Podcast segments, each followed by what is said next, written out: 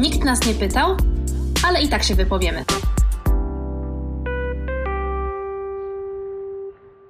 Dzień dobry, do, e, dzień dobry. Dzień dobry, dzień dobry. Trochę zdradziłaś, że nagrywamy to wieczorem, więc jeżeli ktoś będzie słuchał nas wieczorem, to dobry wieczór, a jeżeli ktoś wyczekiwał odcinka No. i będzie od rana już mówił sobie w końcu nowy odcinek, bo wiemy, że mamy małą obsługę, to dzień dobry, cześć. Drogie i... słuchaczki, drodzy słuchacze, wieczorem lub, lub rano lub po południu witamy się z Wami. Ka- o każdej porze dnia. Tak, chcemy Was dzisiaj zaprosić do posłuchania, co też mamy ciekawego do powiedzenia na temat emocji i dlaczego emocje są super.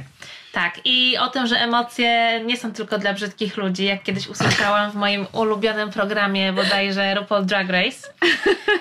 I dużo rzeczy się ostatnio u nas działo, dużo rzeczy gdzieś tam obserwowałyśmy, czytałyśmy i ja po prostu postanowiłam taką tezę tutaj Kasi zaproponować, że po prostu wszystko wokół tych emocji się działo, wokół tych emocji No jak rezonowało. zawsze, nie wiem jak w Twoim Jak życiu. zawsze, ale jakoś te rzeczy, wszystkie, o których będziemy dzisiaj sobie mówić, to po prostu nas skłoniły do tego, żeby usiąść, porozmawiać i powiedzieć, że emocje są super i nie zawsze są łatwe i po prostu te podstawowe rzeczy, które już wydaje by się wszyscy wiemy, albo powinniśmy wiedzieć, no to jest oczywiście jakaś taka klątwa wiedzy i jakieś takie po prostu przekonanie wynikające z przywileju bycia uprzywilejowaną białą kobietą, która ma dostęp do psychoterapii i czas na nią i pieniądze na nią i tak dalej, więc oczywiście jak zawsze dajemy ten nawias, ten przypis, że wiemy przywilej. Wiemy, wiemy, wiemy. Ale trzeba Ale- użytek z tego przywileju, tak? Tak, no, y, no to robimy właśnie. To robimy. Nagrywamy ten podcast, robimy użytek z tego przywileju. Właśnie po to, ale właśnie chciałam powiedzieć, że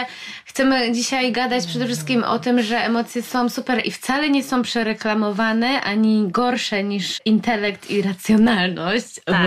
I wcale nie są emocje dla brzydkich ludzi albo dla ludzi słabych. Tak, dokładnie. Są dla wszystkich. No i oczywiście było wiele pretekstów i chciałyśmy porozmawiać też o jednej książce. Przede wszystkim moim zdaniem to był główny pretekst. Był główny pretekst i miałyśmy taką zagwostkę, jak o tej książce opowiedzieć, żeby to się wyróżniło w jakiś sposób od tego, ile o tej książce już powiedziano, a wydawać by się mogło, że powiedziano już o niej Bardzo wiele. wszystko, bardzo wiele i naprawdę była ona wszędzie. I jak sobie pomyślicie o tej książce, jak zaraz usłyszycie jej tytuł i nie będziemy was dłużej trzymać w niepewności, to nawet jeżeli ten tytuł nie będzie dla was na pierwszy rzut oka, na pierwszy rzut ucha słyszalny, to na pewno na pierwszy rzut oka, bo ta okładka była wszędzie, w całym internecie, Jest w całym Instagramie. bardzo, no. Widzieliście ją na pewno w Empiku i po prostu wydawałoby się, że o tej książce naprawdę Linda też opowiadał. coś przeżywa dzisiaj. Linda też jest cała- czeka, cała cała w w emocjach. Przepiękna okładka z twarzą całą w kwiatach. Jest to czuła przewodniczka Natalii de Barbaro. Nie będziemy dłużej Nie. trzymać w niepewności. Więc to był pretekst rzeczywiście, ale miałyśmy trochę opory, żeby o tym gadać, bo, bo rzeczywiście tak jak Aga mówi, to była książka, która w pewnym momencie wyskakiwała z lodówki. Tak. Ja muszę przyznać, że mnie to trochę ominęło i ja tą książkę głównie jakoś o niej usłyszałam od koleżanek. Bo rzeczywiście jest to książka, o której się mówi, że koleżanki ją sobie polecają, przyjaciółki, y, pod hasłem musisz to przeczytać, każda kobieta powinna to przeczytać, więc ja od razu mówię, że nie uważam, że każda powinna przeczytać, ale rzeczywiście miałam też ten sam odruch, jak czytałam tą książkę, że ją podsyłałam różnym osobom, o których myślałam, że im się spodoba i bardzo często dos- dostawałam zwrotkę, no stara, ja już to przecież czytałam. no. Więc, więc tak, więc to rzeczywiście, co możemy nowego powiedzieć. I to nas e, zblokowało, dlatego nie będziemy tylko o tej książce gadać, ale o tym, dlaczego jednak o niej gadamy. Tak. I ja właśnie uważam, że jakby moja, moje taki trend o tej książce i moje pierwsze jakieś takie spotkanie z nią to może być idealny pretekst do tego, żeby powiedzieć, dlaczego on, w jakim kontekście ona nas interesuje dzisiaj, kiedy ją nagrywamy. Bo ja widziałam już kilka razy gdzieś mi się ta książka mm, mignęła, widziałam, jak zaczęłam tytuł, usłyszałam, czuła przewodniczka, to mówię, ja nie wierzę. Ja nie wierzę. No. Co to w ogóle jest? I w ogóle jak zaczęłam, że ona wyskakuje z lodówki i sobie pomyślałam, Agora, mówię, dobra, jakieś po prostu spłaszczone Kliwe, nie wiadomo kliwy, co. intelektualizm, po prostu No. przemielona terapia i teraz wszyscy się tym podniecają. I No. mówię sobie, dobra, nara, nie interesuje mnie to. Mhm. I po prostu gdzieś ta książka mi od czasu do czasu e, gdzieś tam ją spotykałam, ale napisała do mnie moja przyjaciółka, że ona czyta tę książkę i że w ogóle ona ją bardzo poleca, że jest super. A Mhm. ja bardzo ufam w jej gust, chociaż nie zawsze się podobają nam te same rzeczy. No i po prostu kiedyś kupowałam coś dla mojej mamy. Mhm. I tak sobie pomyślałam, że kurde, że ta moja przyjaciółka z kolei powiedziała mi potem, że dała też tę książkę swojej mamie i też napisała, że każda powinna znać tą przeczytać i powinna w ogóle swojej mamie podarować tę książkę. I No tak ja sobie- nie widzę mojej mamy, która czyta tą książkę, ale może. No, okej. No. No i ja tak sobie przeczytałam to i mówię, dobra, może rzeczywiście mojej mamie się spodoba, że Mhm. dla niej jakby, że to jest chyba taki trochę feministyczne, że trochę terapia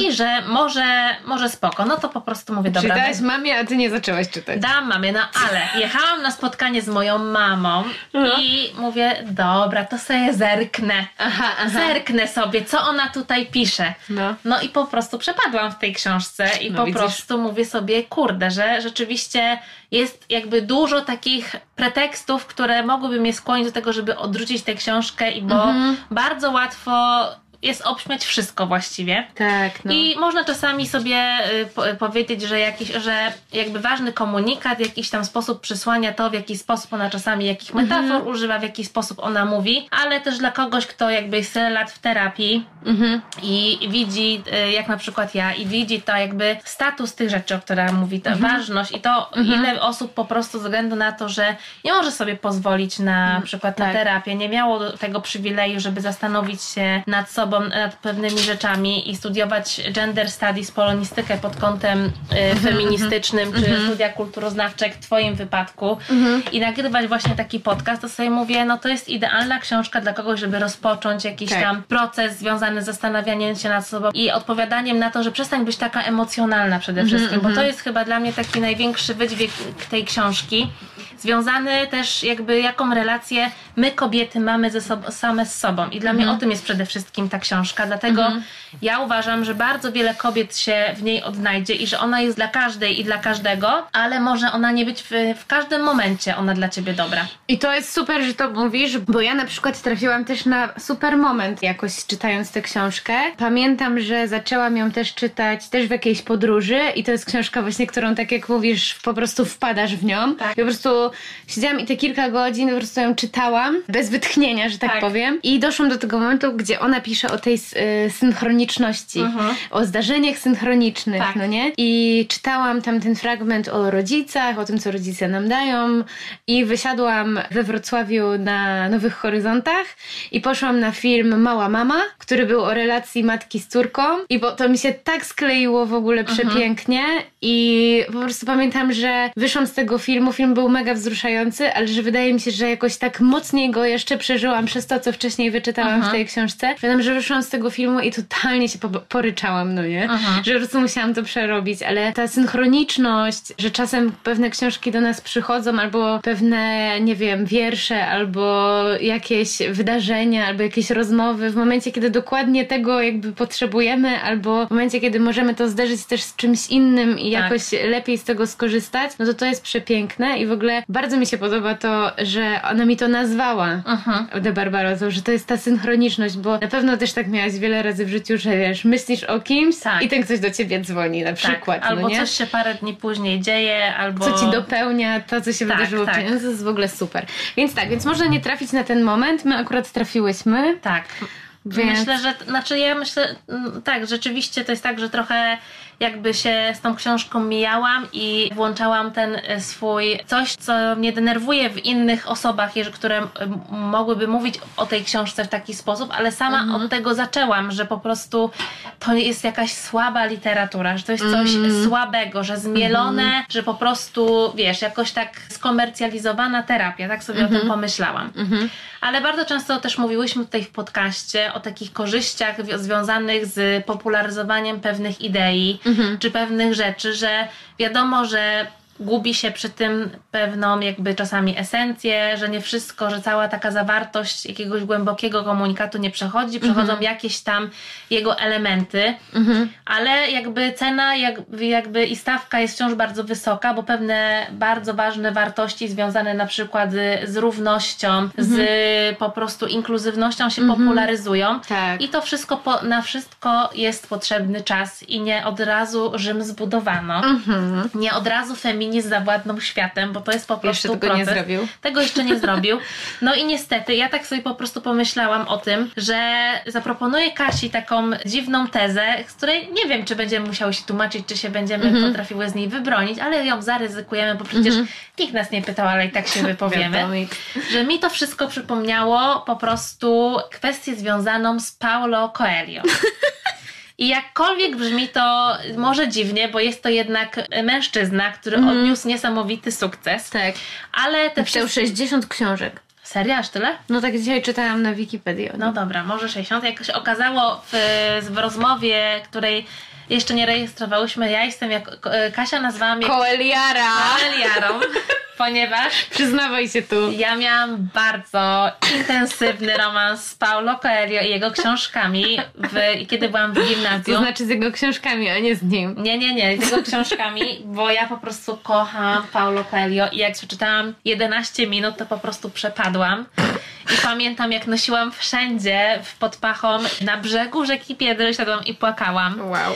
że Zachir to po prostu była Mhm. moja ukochana książka. No po prostu wiele jego tytułów, no nie wiem, Weronika postanawia umrzeć. To czytałam. To po prostu uwielbiałyśmy tę, tę książkę z Tak, moimi tak. koleżankami. No Ja i to, też. to po prostu były takie książki, które sobie przekazywałyśmy i jakby, no, No ale ile miałaś lat wtedy? no byłam, nie, ile ma się w pierwszej klasie gimnazjum? No kilkanaście, No, tak? 13? To, no, sorry Aga, ale to było 20 lat temu. No, dzięki Kasia. 19 lat temu, dobra, przepraszam okej, bardzo. No okej. dobra, mieliśmy pod uwagę. No nie, ja mam 32 teraz, tak? No dobra, no jakby Dobra, jednak 20 lat kilkanaście temu. albo prawie 20. Dobra, więc- już nie, dobra, Okej, wolę no. powiedzieć 20 lat temu, już kilkanaście lat temu, weź. No ale do czego zmierzasz?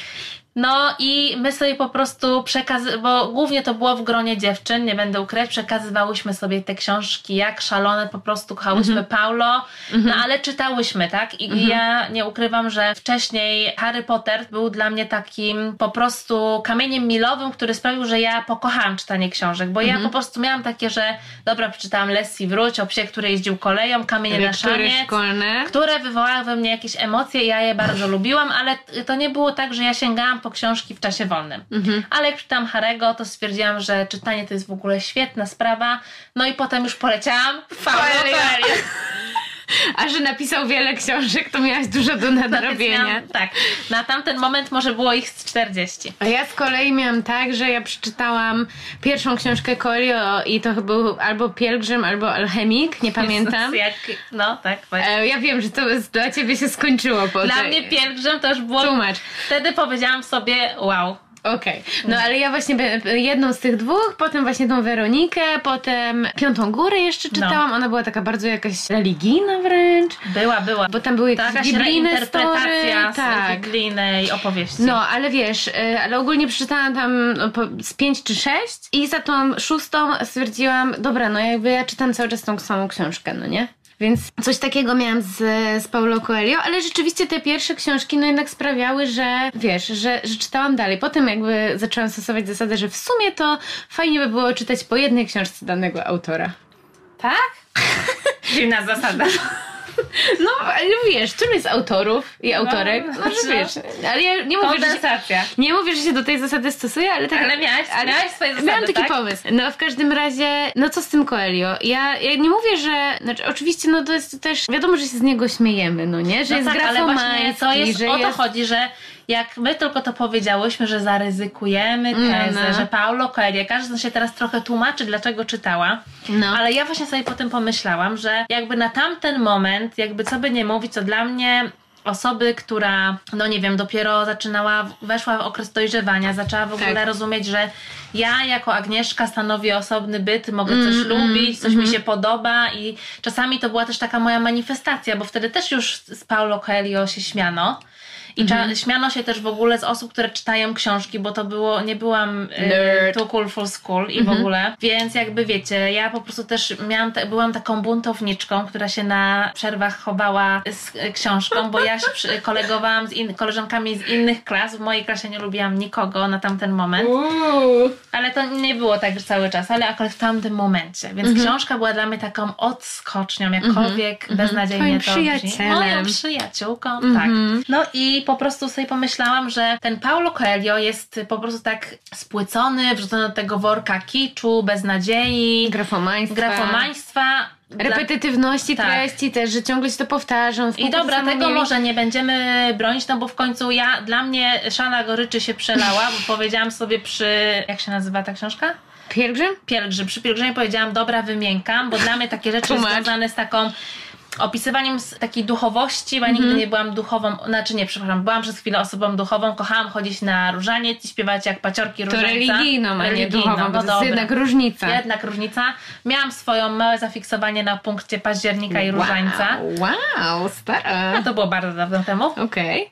Ale to chyba chodziło o ten rytuał bardziej, więc Mhm. jakby nie o samo to, no nieważne. No i ja nigdy nie byłam jakoś taka duchowa, Mhm. więc y, to już było, ta, y, ta książka była dla mnie taka, że to ja... Zbyt uduchowiona. Tak, że ja już tego nie kupuję, że to jest tłumacz, że coś mi tu jest nie tak, że ja po prostu czułam się zażenowana, jak to czytałam. Okej. No i ja rozumiem, że takie uczucia mogą towarzyszyć przy jakichś tam jego książkach, no ale uważam też, że można by coś z niego wyciągnąć, chociażby to, że ludzie po prostu czytają. Tak. Ale i teraz do czego zmierzam? Zaraz No. możesz powiedzieć tylko do czego ja zmierzam. Dziękuję. I uważam. No, bardzo proszę, udzielę, zaraz ci udzielę głosu. Oh, thank you. No. i chodzi o to, że jakby mimo wszystko to Paulo Coelho jest sprowadzony do kogoś, kto pisze o emocjach. Mhm. No i wiadomo, że wielka literatura, jak mu, lubią nam mówić, zwłaszcza mężczyźni, Mhm. którzy tworzą kanon i zaliczają tych wszystkich wspaniałych y, Ulyssesów, Manów i w ogóle nie wiadomo kogo, Joyce'ów, no. No. do po prostu kanonu wielkiej literatury mówią nam, że wielcy mistrzowie, bo to zazwyczaj nie są mistrzynie, może czasami pojawi się Virginia Woolf, ale to chyba przez przypadek. No. Mówią nam o tym, że wielka literatura to jest w ogóle popis intelektu, że w ogóle y, wy- wymaga wysiłku intelektualnego. I oczywiście ja nie będę odrzucać tych autorów tylko dlatego, że ich literatura wymaga wysiłku intelektualnego i są mężczyznami, ale dlaczego wielka literatura nie może być o emocjach, nie może być emocjonalna? I ja nie mówię, że Paulo Coelho powinien dostać Nobla, bo słyszałam, że marzy mu się Nobel. I może nie będę Za całokształt twórczości. nie, może nie będę organizować pikiety czy zrzutki, czy po prostu nawoływać do tego, że tak, Paulo Coelho powinien dostać Nobla. Nie. Ale tak sobie pomyślałam, że emocje bardzo łatwo jakby spłaszczyć, sprawić, że są jakąś karykaturą, bo emocje i emocjonalność to, za, to w naszej kulturze i w ogóle w kul- wielu kulturach są, po, no może nie we wszystkich, ale są po prostu gdzieś tam sytuowane po stronie słabości, takiej niere, nie, podstępowania nieracjonalnego, czyli Tak. po prostu niestety w, w binarnym świecie patriarchalnym, czyli kobiecego, słabego, pozbawionego jakiegoś takiego racjonalnego zaczepienia. I pomyślałam sobie, że też bardzo łatwo wrzucić takie pisarki jak Natalia de Barbaro do takiego worka, bo też z czymś takim się spotkałyśmy, z taką opinią. Mhm, mhm. Y, Jedna z naszych koleżanek napisała na Facebooku, że co za beznadziejna książka. Tak, tak. W ogóle co za gówno i bardzo łatwo było z kontekstu wyrywać cytaty, które mówiłyby o tym, o tym miałkości tej książki, y, książki intelektualnie i bardzo łatwo można pewne rzeczy wypśmiać, ale ja uważam, że też bardzo trudno się skonfrontować z wieloma rzeczami i można być takim czytelnikiem, który sobie po prostu drwi w taki łatwy sposób, ale można być też takim czytelnikiem, który mimo wszystko szuka takich ważnych rzeczy, które są z tej lektury, ważnym takim czytelnikiem i czytelniczką, przepraszam, co ja tutaj w ogóle tym No, męsko-osobowym zarzucam. No. Więc Chyba e, ten już... kanon mnie tak. Mogę już powiedzieć? Tak, już teraz powiedz. Dziękuję.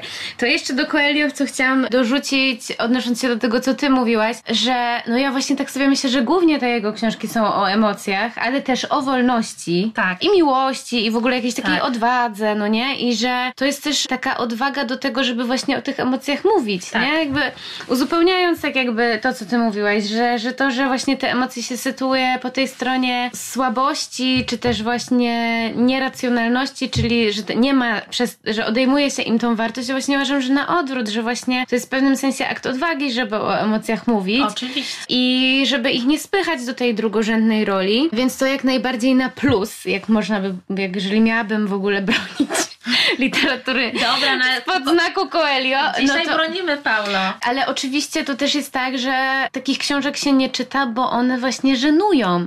Dlatego, że jest, no, żyjemy w takim świecie, który właśnie sytuuje też emocje po stronie tej żenady, że to jest Tak. wstydliwe, że to jest jakieś Emocje takie... są dla brzydkich ludzi, No, dobry. tak, że to jest takie uncool, no nie? Tak. W ogóle mieć i dać się ponieść tym emocjom, podczas gdy, no, jakby wyzwólmy się z tego. I to jest właśnie o tym rodzaju Tak, wolności, tak, moim tak, zdaniem, tak. nie? Co w ogóle ciekawe, ja mówiłam, że już wspominałam w naszej dzisiejszej rozmowie, że sprawdzałam sobie, co tam u Coelho na jego Wikipedii, jaki no był jego co tam, życiorys. co tam u Paulo? No i wiesz, no jednak kurde, jak tak spojrzeć na jego życiorys, no to był takim trochę działaczem wolnościowym, no nie? Mhm. Że tam pisał jakieś teksty piosenek, że w ogóle wiesz, hipisiarstwo, nie? Więc Mhm. to wszystko pasuje, że tam e, hipisi i wolna miłość i w ogóle wolność jednostki i w ogóle, że braterstwo, że tam siostrzeństwo można by przerzucić też jakby na to, że jesteśmy wszyscy wielką rodziną.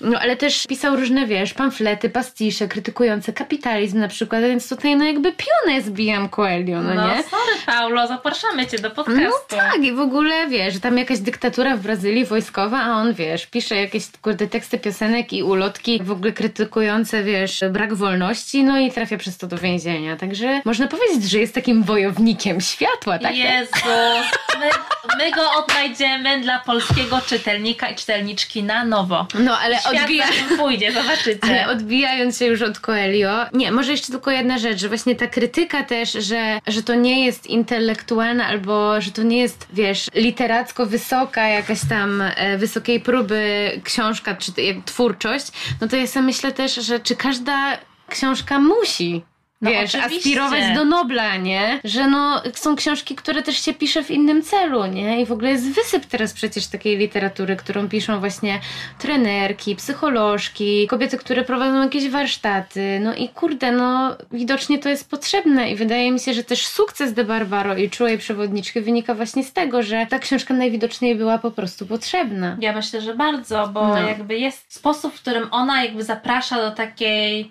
trochę psychoterapii. No, I jak, jest taki jak punkt wyjścia do niej, no punkt nie? wyjścia, no ale też dla osób, które miały styczność z psychoterapią, to też będzie w ogóle, uważam, to nie będzie książka, która powie, Jezu, znowu to samo, bo ona jednak w taki, czasami, mi się wy, wydaje, że bardzo taki unikatowy sposób zaprasza nas do tej opowieści o emocjach. Ona ma Mhm. też ogromne doświadczenie, jeżeli w ogóle chodzi o prowadzenie też warsztatów Mhm. z kobietami, o pracę z, z kobietami i ma mnóstwo takich historii, które, czy właściwie można powiedzieć her story, Mhm. które właśnie świetnie pokazują to, o czym ona mówi, czyli o w ogóle o takim też, żeby po prostu jakkolwiek to zabrzmi, spotkać się ze sobą. Mhm.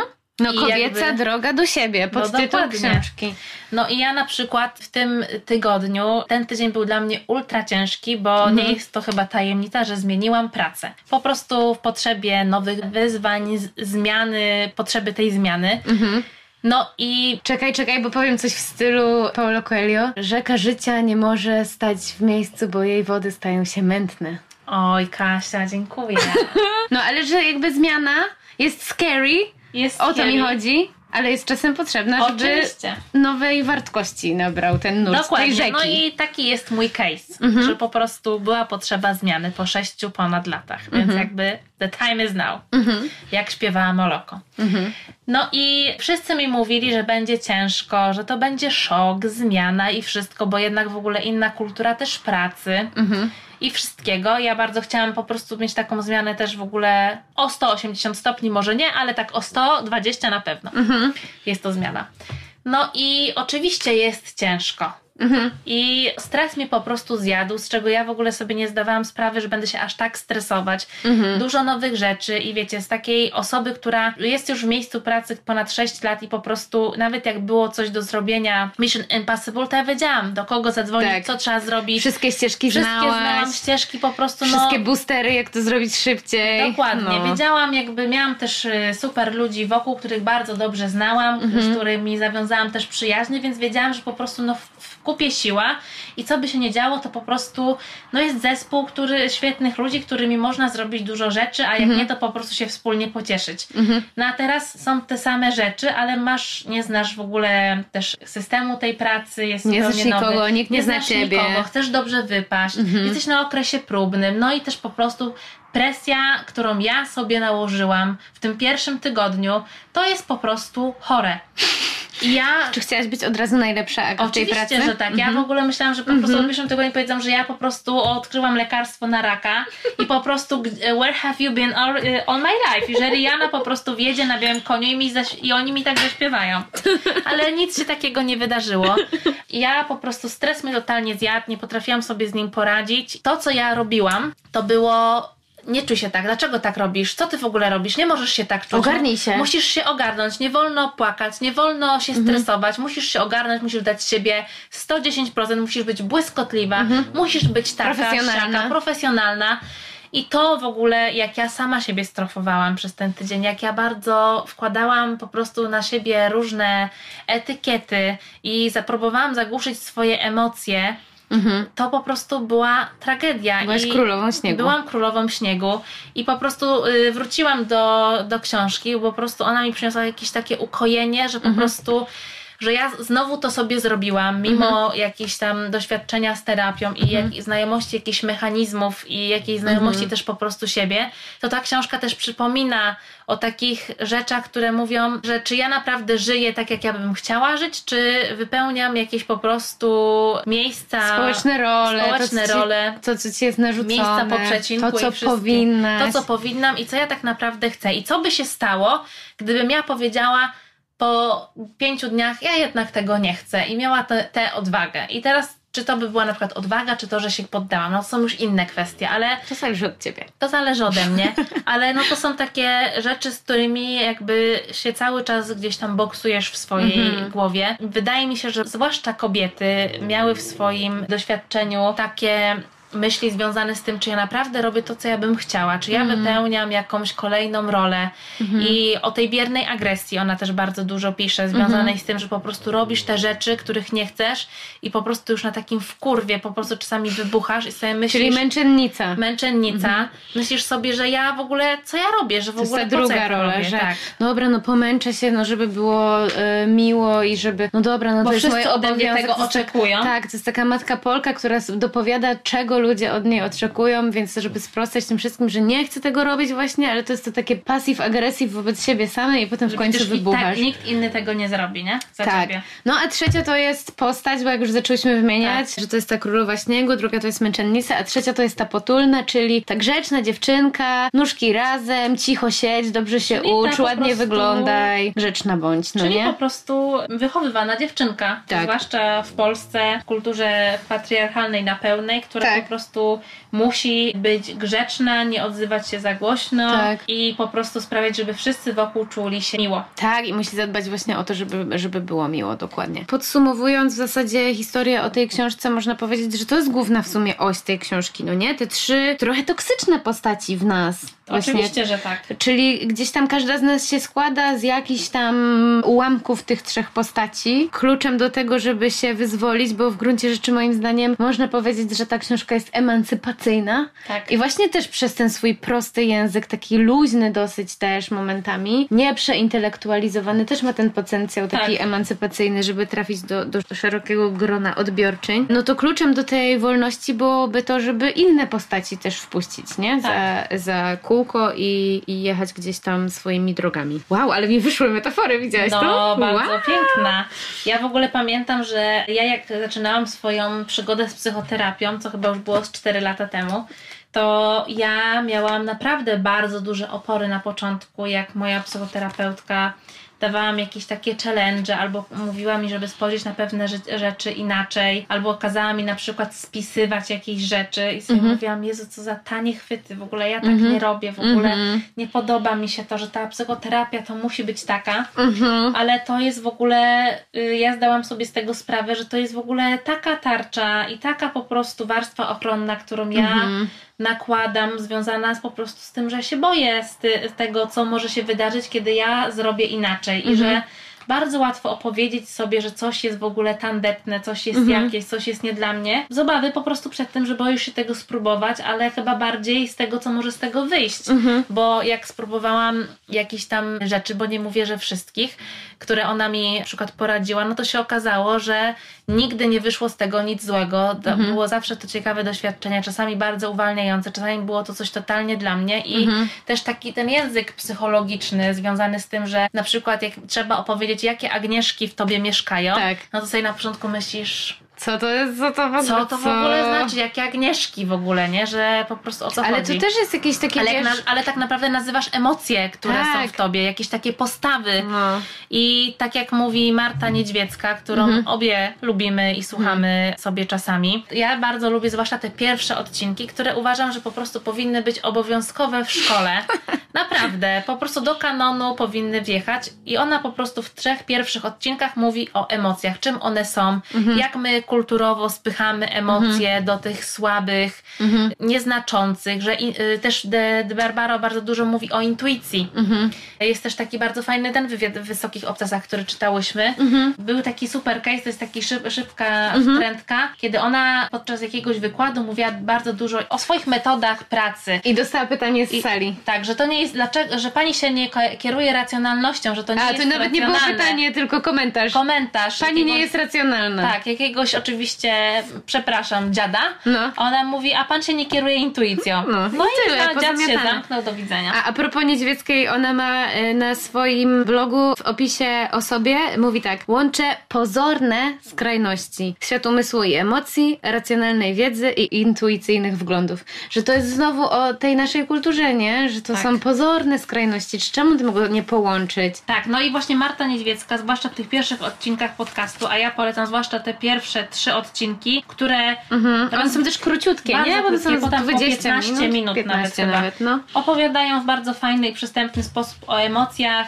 Mhm. jak je, y, ja, nazywa je w bardzo fajny sposób, jakoś Mhm. tam klasyfikuje i przede wszystkim mówi o tym, że nie ma dobrych i złych emocji, Mhm. że są takie, które są dla nas bardzo pozytywne, które my bardzo lubimy, jak na przykład radość, szczęście i tak dalej. Mhm. I są emocje takie trudne, które nie są złe.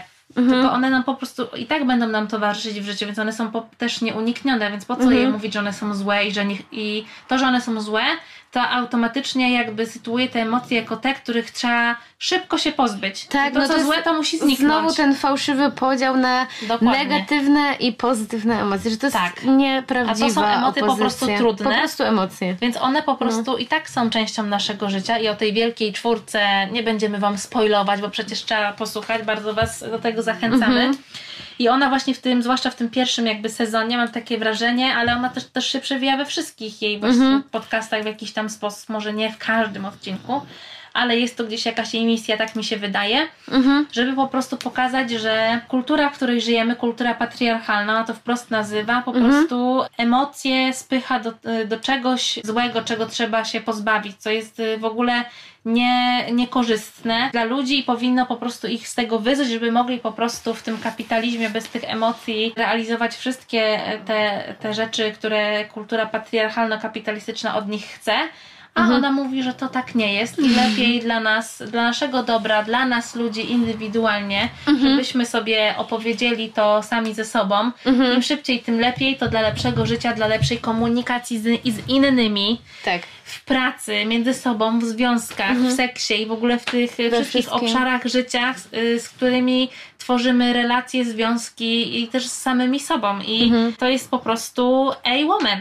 Ej, woman, totalnie, no nie? No. No i w tym sensie też to jest właśnie takie emancypacyjne i wolnościowe, bo to nam pozwala być właśnie wolnymi od tych, od tej opresji, tej, tego, co, co właśnie nam, nas, y, nami steruje i nas wtłacza w jakieś niewygodne role. Ja jeszcze tylko dodam ostatnią rzecz. y, Już ostatnio? No tak myślę, że co będziemy przedłużać? Wszyscy chcą biec, słuchać Niedźwieckiej i czytać. The Barbaro. Okej. A może niektórzy Coelho. Ale jeszcze jedna rzecz a propos krytyki tego typu literatury, bo to też wspomniałaś o naszej koleżance, Tak. która napisała tego posta wyśmiewającego. Pozdrawiamy, Ewkę. Tam były też taki, e, jakby częścią te, tego komentarza było to, że no oczywiście to jest coaching, więc od razu wiadomo, że to musi być gówno. Tak. Kumam to, że może coaching kogoś żenować, że to jest taka e, właśnie to, co mówiłaś, taka psychoterapia przemielona i taka motywująca, wiesz, nie? Jesteś zwycięzcą. Tak. E, Rozumiem, że to może być żenujące, bo, bo no bo nie będę tego tłumaczyć, po prostu Tak. to rozumiem. Na koniec tylko powiem, że oglądam teraz fantastyczny serial, który jest o trenerze. No bo coaching to jest jakby trenerstwo, Tak. trenowanie ludzi. I właśnie Ted Lasso, bo tak się nazywa ten serial, jest o trenerze futbolu amerykańskiego, który przyjeżdża do Anglii, żeby trenować y, zespół piłki nożnej. E, No i wiadomo, że tam są różne tam e, żarty na temat różnic pomiędzy tymi dwoma dyscyplinami sportowymi, ale w gruncie rzeczy to jest też serial o emocjach i Ted Lasso, który jest właśnie tym trenerem tam, mówi o tym, że bycie trenerem polega na tym, żeby wydobywać z ludzi to, co jest w nich najlepsze. No i to jest ogólnie jakby uważam fajne podsumowanie. Tak, nie, nie powiedziałabym tego lepiej, Kasia. Ty O. dzisiaj jesteś super w metafory. Jestem dzisiaj zwycięzcą? Jesteś, naprawdę. I mętna rzeka, naprawdę pięknie mi to No, dzięki, powiedziałaś. dzięki. No. A to chyba z jakichś kart Osho w ogóle, wiesz? No i wspaniale w ogóle. Ja chyba jestem jednak koeriarą wciąż. No, ale to też jest właśnie. A, ostatnia jeszcze taka wrzuta, którą chciałam dać. No To jest, y, bo też właśnie z czułej przewodniczki jest taki fragment, który mega mi zapadł w pamięć, a mianowicie on jest o tym, że tak jak są źli i dobrzy pisarze, tak są też źli i dobrzy czytelnicy. O, tak.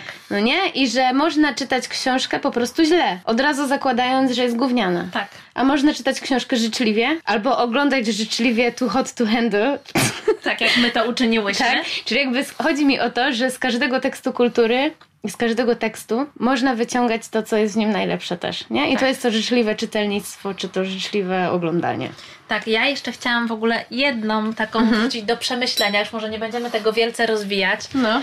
Ale właśnie w duchu takiego mm, pozbawiania nas emocji i Mhm. tego, żebyśmy po prostu byli tak racjonalni do bólu, Mhm. to nie myślicie, że to jest bardzo ciekawe, że powstają te wszystkie takie ruchy spiritual awakening, które mają No nas. Mhm. jednak obudzić i przy pomocy czy to psychodelików, czy, Mhm. czy właśnie jakichś innych substancji, które sprawią, że znowu będziemy czuć, Mhm. że znowu będziemy po prostu mogli spotkać się ze sobą, na nowo skonfrontować się z, ze swoim ja, życiem i tak dalej.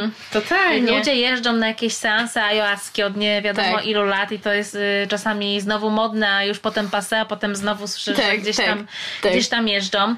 I też wrzucimy Wam na pewno w podpowiedziach taki super artykuł, który Ty mi Kasiu wysłałaś z lipcowego numeru magazynu Pismo, który Kasia kocha i poleca, ja w jej. Tak. imieniu o tym y, mówię. Tak. Właśnie o takiej kapitalizacji też naszego, y, naszych emocji i tego, jak I tej potrzeby, o której mówisz. tak, No. takiej potrzeby i tego, jak chce się wykorzystać te emocje w, w pracy Mhm. i zagonić je właśnie w jedną taką czynność, którą będziemy robić, Mhm. czyli po, oczywiście po pracy albo w trakcie, kiedy deadline'y szale, szaleją, że Mhm. wykorzystamy jogę, mindfulness i bycie tu i teraz do tego, żeby po prostu jeszcze bardziej być efektywnym i efektywną. Tak. I o tym trochę mówiłam z Piotrem w odcinku, czy wszystko można kupić, o takiej Tak. kapitalizacji naszego smutku, tego, że naszą depresję ma uleczyć jedna, jedna pigułka i tak dalej. Mhm. Więc to są takie dodatkowe konteksty, Tak. które może rozwiniemy w jakichś następnych odcinkach, Może tak, może ale nie. po prostu teraz taka nowa strategia, zostawiamy Was z przemyśleniami, nie będziemy O. wszystkiego wyczerpywać. Chociaż raz. No i co? I słyszymy się za dwa tygodnie. Oh yes. Dziękujemy. Pa! Nikt nas nie pytał, ale i tak się wypowiemy. Producentem podcastu jest Estrada Poznańska. Wszystkie odcinki znajdziesz na estrada.poznan.pl.